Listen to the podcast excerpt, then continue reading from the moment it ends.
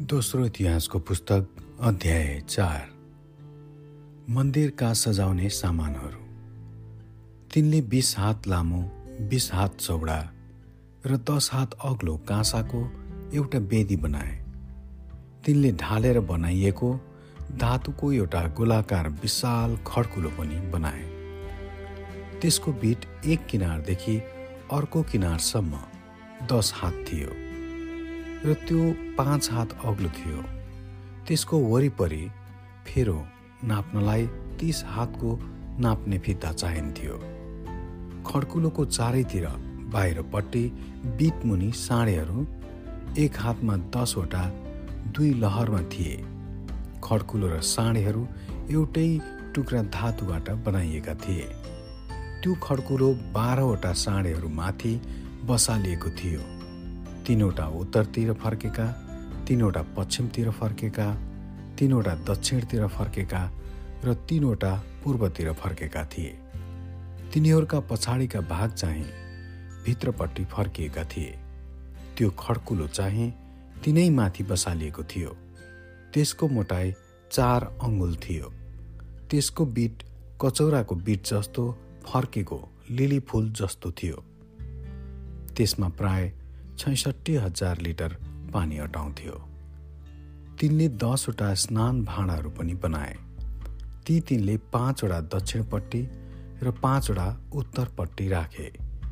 यिनैमा तिनीहरूले होम बलिका सबै चिजहरू धुन्थे। खड्कुलोलाई पुजारीहरूले नुहाउनलाई प्रयोग गर्थे। तिनले तोकिए बमोजिम दसवटा सुनका सानदान बनाए। ती तिनले मन्दिरमा राखे। पाँचवटा दक्षिणपट्टि र पाँचवटा उत्तरपट्टि। तिनले दसवटा टेबलहरू पनि बनाएर मन्दिरमा राखे। पाँचवटा दक्षिणपट्टि र पाँचवटा उत्तरपट्टि।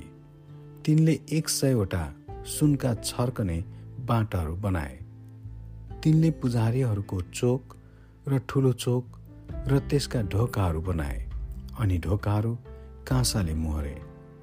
त्यो विशाल खड्कुलो चाहिँ तिनले दक्षिणपट्टि अर्थात् मन्दिरको दक्षिण पूर्व कुनामा राखे।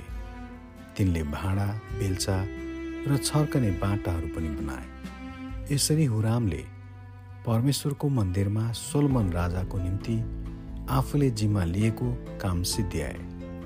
दुई स्तम्भहरू स्तम्भका टुप्पामा कचौराको आकारका दुई स्तम्भ सिरा स्तम्भमाथि स्तम्भ सिराहरू सजाउने दुई बुट्टादार र जालीहरू। दुई जालीहरूका निम्ति चार सय दारिमहरू।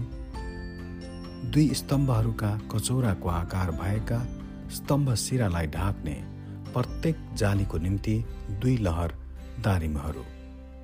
ठेला गाडीहरू तिनका बाटाहरू समेत एउटा विशाल खड्कुलो र त्यसको मुन्तिर बाह्रवटा साँडेहरू भाँडाहरू बेल्चाहरू मासु उठाउने काँटाहरू र अरू सम्बन्धित सामानहरू।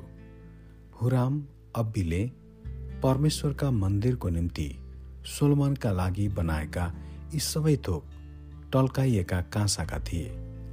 राजाले ती एर्दन नदीको मैदानमा सुक्कोत र सार्तानको बीचमा साँचाहरूमा ढालेर बनाउन लागेका थिए। यी सबै थोक सोलमनले यति धेरै सङ्ख्यामा बनाएका थिए कि त्यसमा लागेको काँसाका ओजनको हिसाबै थिएन। सोलोमनले परमेश्वरको मन्दिरका सबै सजाउने सामग्रीहरू पनि बनाए। सुनको वेदी उपस्थितिको रोटी खाने टेबलहरू कञ्चन सुनका सामदानहरू जसका बत्तीहरू विधिपूर्वक भित्री पवित्र स्थानमा बालिन्थे।